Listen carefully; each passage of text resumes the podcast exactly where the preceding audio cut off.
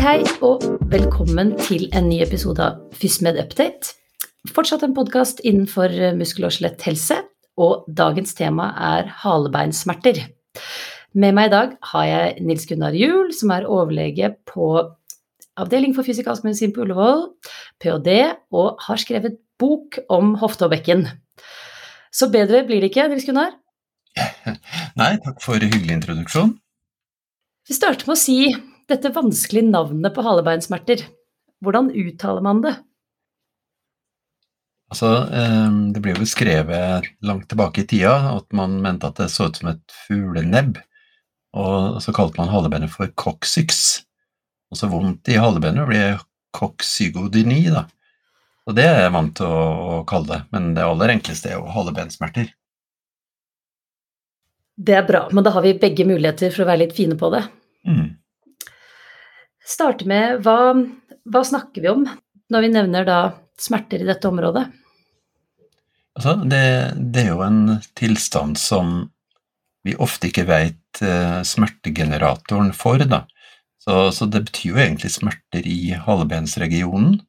Og det, det, er vel det nærmeste vi kommer, for vi kan liksom ikke være sikre på hvorfor denne smerten er utløst, og hvorfor den er vedlikeholdt, egentlig.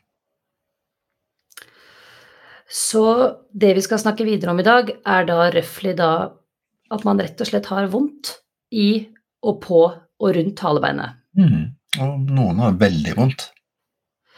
Ja, ikke sant. Og er dette vanlig? Ja, vet du hva, det vet jeg ikke. For det er, jo, det er, jo, ikke gjort noen gode studier på forekomst. Egentlig en sånn eh, diagnose som har gått litt sånn, ja Man vet ikke så mye om det, det har ikke vært så mye interesse, det har vært litt mye mistro i forhold til disse smertene som er i halebeinet. Så vi har ingen gode studier i, i forhold til det. Ehm, men etter hvert nå, de siste ti åra, så har det kommet en del studier som peker på at eh, et eller annet traume er vanligst som utløsende årsak, og det, det, er fødsel et viktig traume, og selvfølgelig fall på rumpa. Um, mens um, man mener at ca. 30% er idiopatisk, da, at man ikke kan forklare det. Uh, og så er det en kvinnesykdom, da, siden menn ikke føder, uh, stort sett. Mm -hmm. Og de få jeg har sett på poliklinikken, de har jo, som du sier, for det første veldig vondt, men for det andre at det er langvarig. Fordi de fleste av oss, detter vi på dette halebeinet, så er det jo vondt for alle. Men den gjengen som sannsynligvis oppsøker eh, en eller annen form for lege, er jo de som har smerter over tid. Ja, ja. det er langvarige plager. Og det, akkurat som du sier, når man slår seg, så er det jo kjempevondt. Akkurat som å bli sparka på leggen, liksom. Og så går det nå over etter et par-tre uker, og så er man i gang igjen, liksom. Men, men, disse har nok, eh, av de jeg har sett på poliklinikken, så har de jo ofte hatt eh, plager i flere år. Og veldig få som kommer som ikke, som ikke har hatt eh, plager i over, over ett år, er min erfaring. Og det, det, er en god del unge, unge damer særlig, 30-40-åra. Så, så det har nok en viss impact på livet deres. Ikke sant. Og jeg tenker jo at dette er det viktig at vi kan litt om, fordi som du sier, faller litt mellom flere stoler. og eh, ordentlig plagsomt for de det gjelder. Mm. Ja, ja, det er det altså. Kan du si noe mer om, om symptomene, unntatt at det er smerter i, i og rundt området? Ja, det, det, er jo som ved andre tilstander at det, det, er forskjellige varianter, og du kan ha smerter i halebenet sammen med underlivssmerter, og det, det er ganske kjent i eh, populasjoner som har født. da, at du kan ha bekkenbunnsproblematikk, og du kan ha fremfall, og du kan ha ting, andre ting. Men hvis du tenker på de mer rene eh, halebensplagene, så er det nokså typiske symptomer. Um, du har en slags gnagsårlignende følelse baktil i halebenet som øker kraftig på når du sitter. Ofte så er det ingen plager når du går og du kan trene, så kommer stort sett bare når du sitter, da. Og så har du et sånn spesialsymptom som jeg ikke har sett ved noen andre tilstander. Det er hvis du har sittet en liten stund, når du reiser deg, så får du sånne jeg vil kalle det isnende smerter i halvbensregionen som gjør det vanskelig for deg å gå videre. Og de kan vare to-tre sekunder opp til kanskje 15 sekunder. Veldig typiske takeoff-smerter, kaller jeg det. Det er, det er det typiske her, og, og ikke noen andre tilleggsproblemer med med nattesmerter eller eh, vondt å ligge eller avføringsproblemer, egentlig. Stråler det noe ut? Det er ikke noe radiering? Nei, stort sett ikke. Um, det er jo litt sånn at du har du veldig sterke smerter, de som har kanskje sånn sensitiseringsreaksjoner, da vil de kanskje oppleve smerter oppi, eh, oppi korsbeinet og litt utover mot sitteknutene, men utover det så er det ikke noe, noe utstrålende smerter eh, å snakke om. Men det er jo nok plagsomt, det, da. De fleste av oss eh, sitter jo litt i løpet av en dag, og hvis det i tillegg skal være vondt å komme seg opp mm. derfra, så er jo det veldig plagsomt. Ja, det påvirker hverdagen for veldig mange av oss som er, ja, sitter på en kontorpult da, eller er student, eller ja, de fleste sitter jo store deler av dagen. Mm.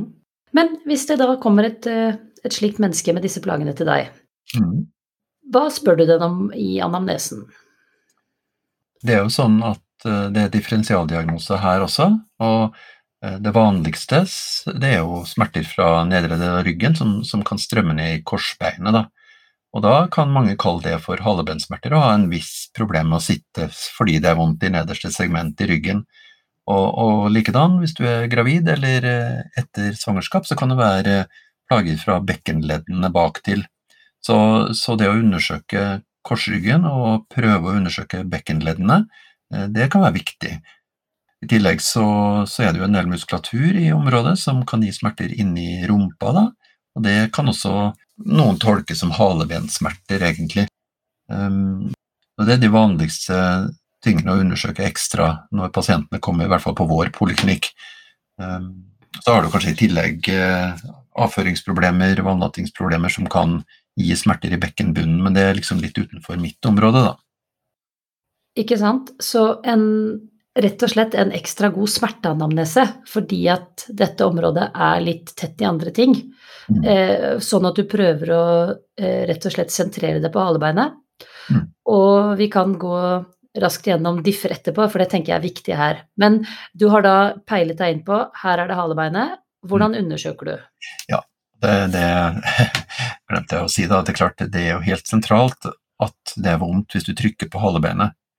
Det er jo såpass enkelt, egentlig. Det, det som mange tenker, er at du ikke kan undersøke halebeinet uten å eksplorere, altså stikke en finger opp i endetarmen, men du får et ganske godt inntrykk av halebeinet ved også å trykke fra utsida. Da. Ehm, når du kommer til oss på sånn spesialistpoliklinikk, så, så, gjør jeg alltid en eksplorasjon for å kjenne på halebeinet, på, litt på bevegelighet og smerter når du beveger, men men i utgangspunktet så holder det ganske godt å trykke seg nedover sakrum og helt til halebenet og følge halebenet helt ned til endetarmsåpningen nesten, og se om du får fremprovosert den smerten som er. Det er det sentrale i undersøkelsen av selve halebenet.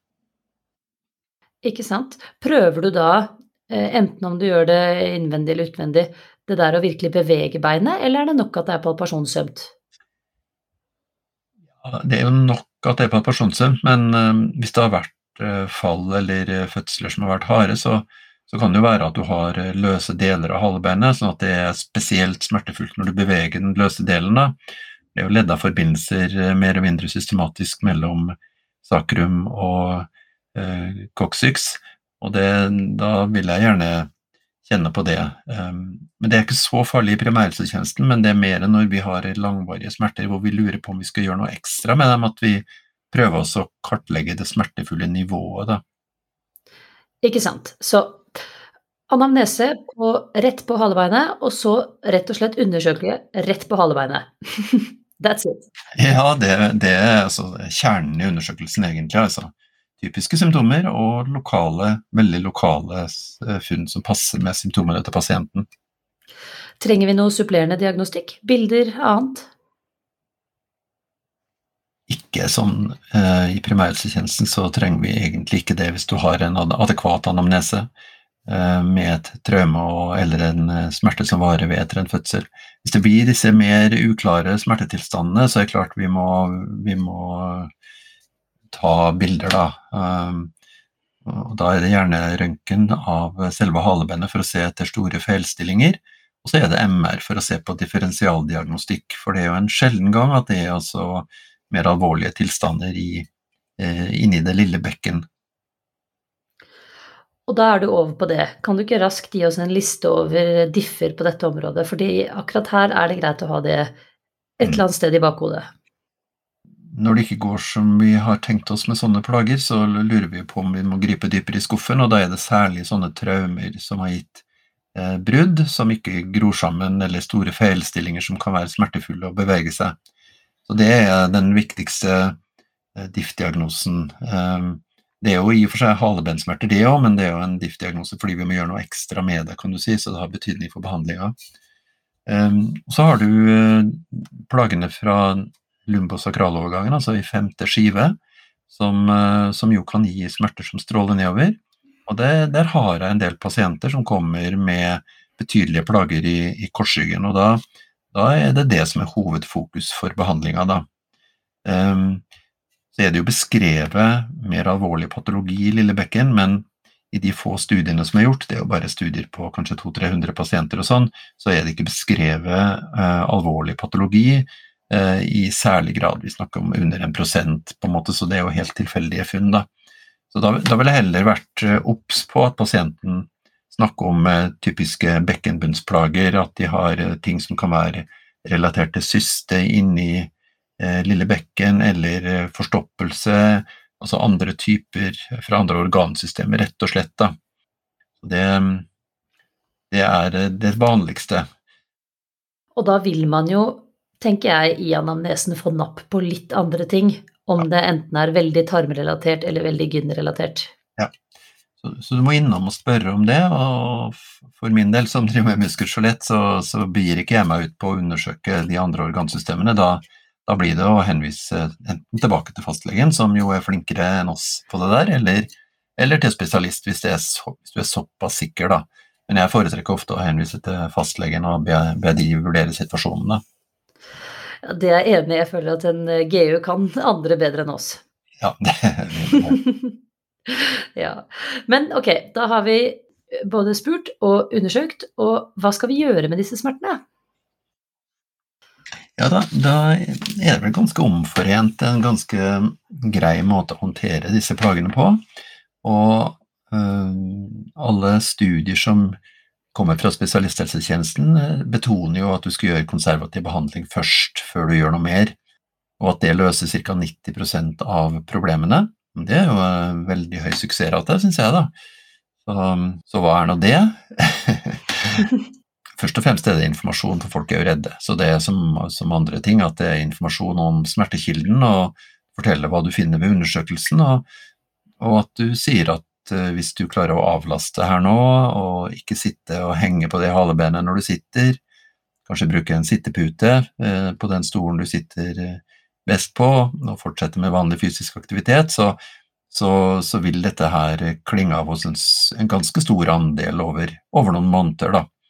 Um, så det, det, det, det, er liksom det jeg også alltid gjør i første, første, omgang, før jeg gjør noe særlig mer, egentlig. Det er gode tips. Sånn sitte på badering, er det ut? Nei da, det er uh, sikkert billigere enn å sitte på spesialpute. Uh, nå er jo ikke de putene så veldig dyre heller, det er de, de fleste som, som finnes omkring, koster under 1000 kroner. Og de har sånn utsparing til Ja, det er litt penere enn en badering. Eh, du ville ha foretrukket badering?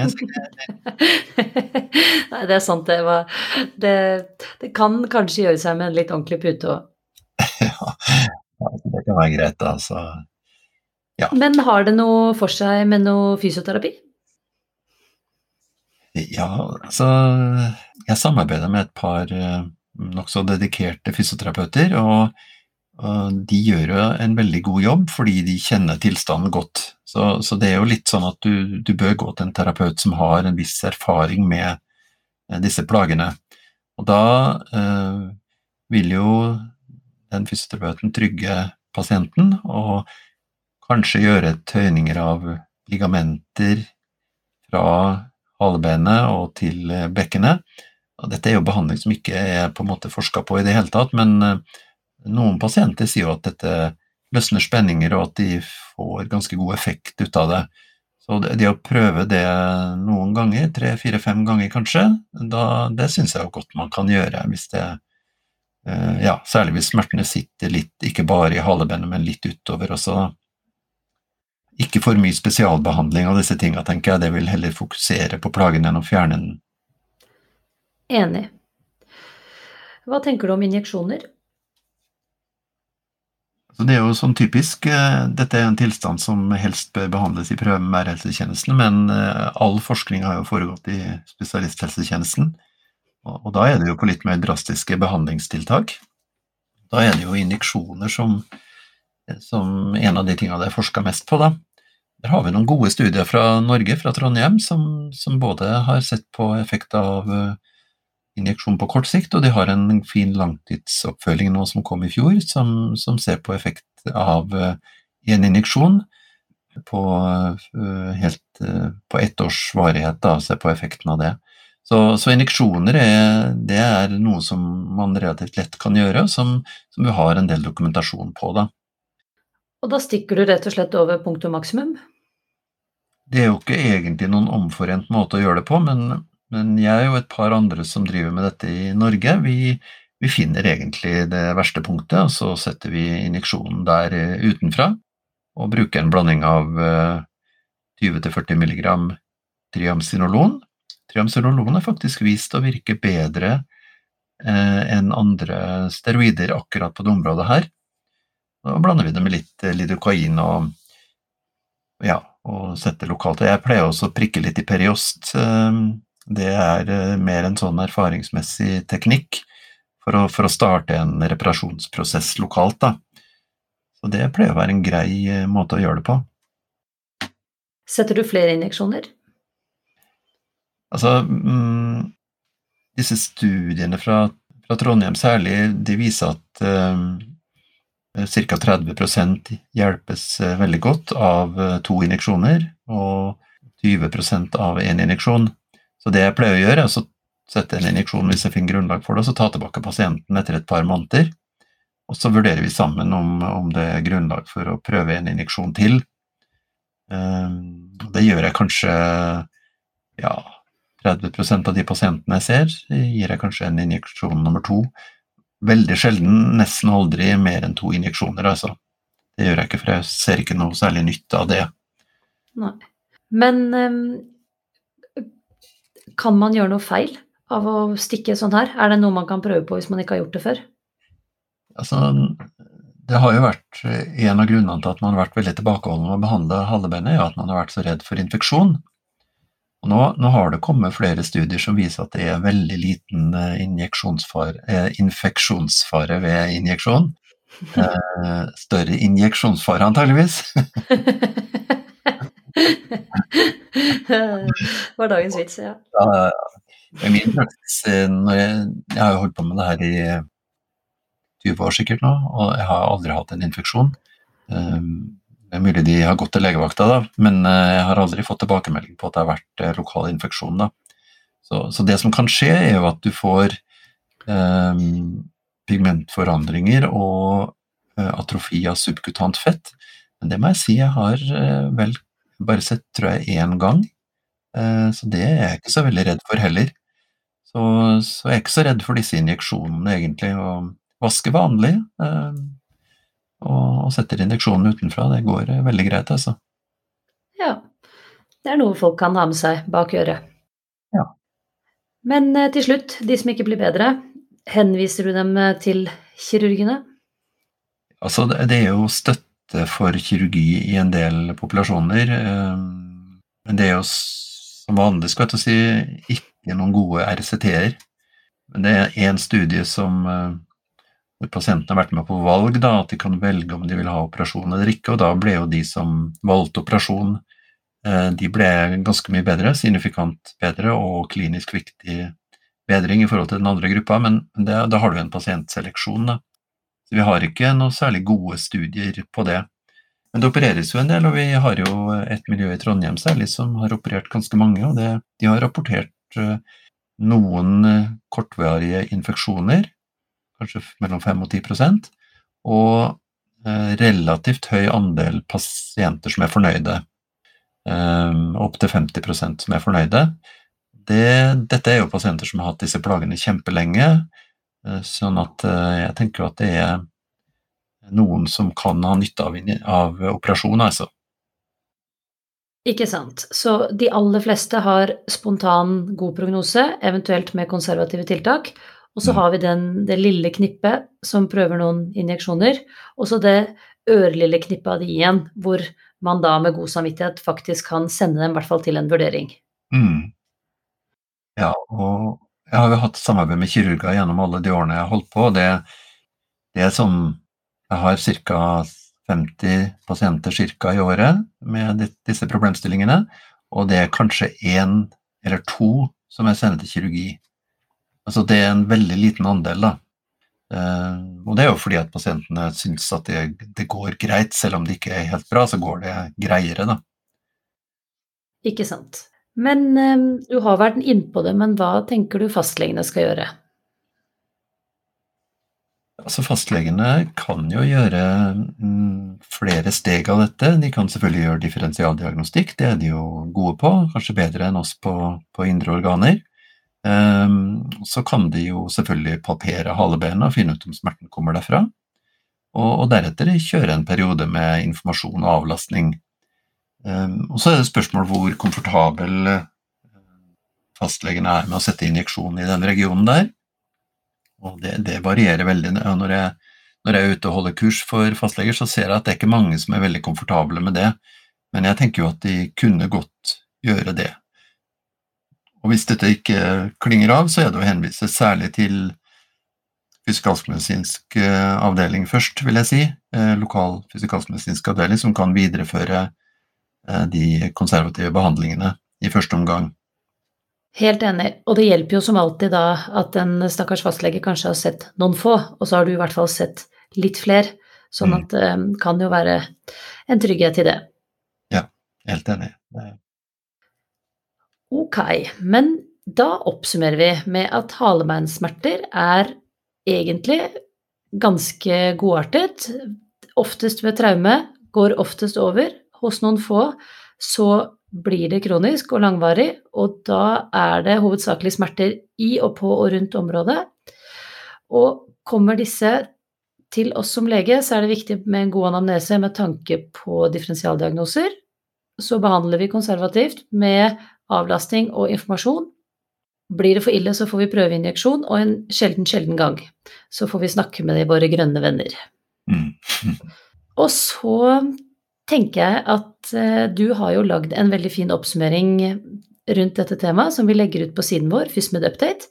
Og så vil jeg også gjerne anbefale den eh, nye boka di om eh, plager i hofte og bekken, for det er et vanskelig område. Og for de som vil, så kan man også da google denne boka, så kommer den opp på, fra Fagbokforlaget sine sider, og der ligger det også fine internettressurser. Vi kan linke til den, men det er, det er verdt tiden for de som har lyst til det. Mm. Ja. ja. Nei, men da tror jeg vi bare sier takk for oss, jeg. Ja. ja. Takk for i dag. ha det. Ha det.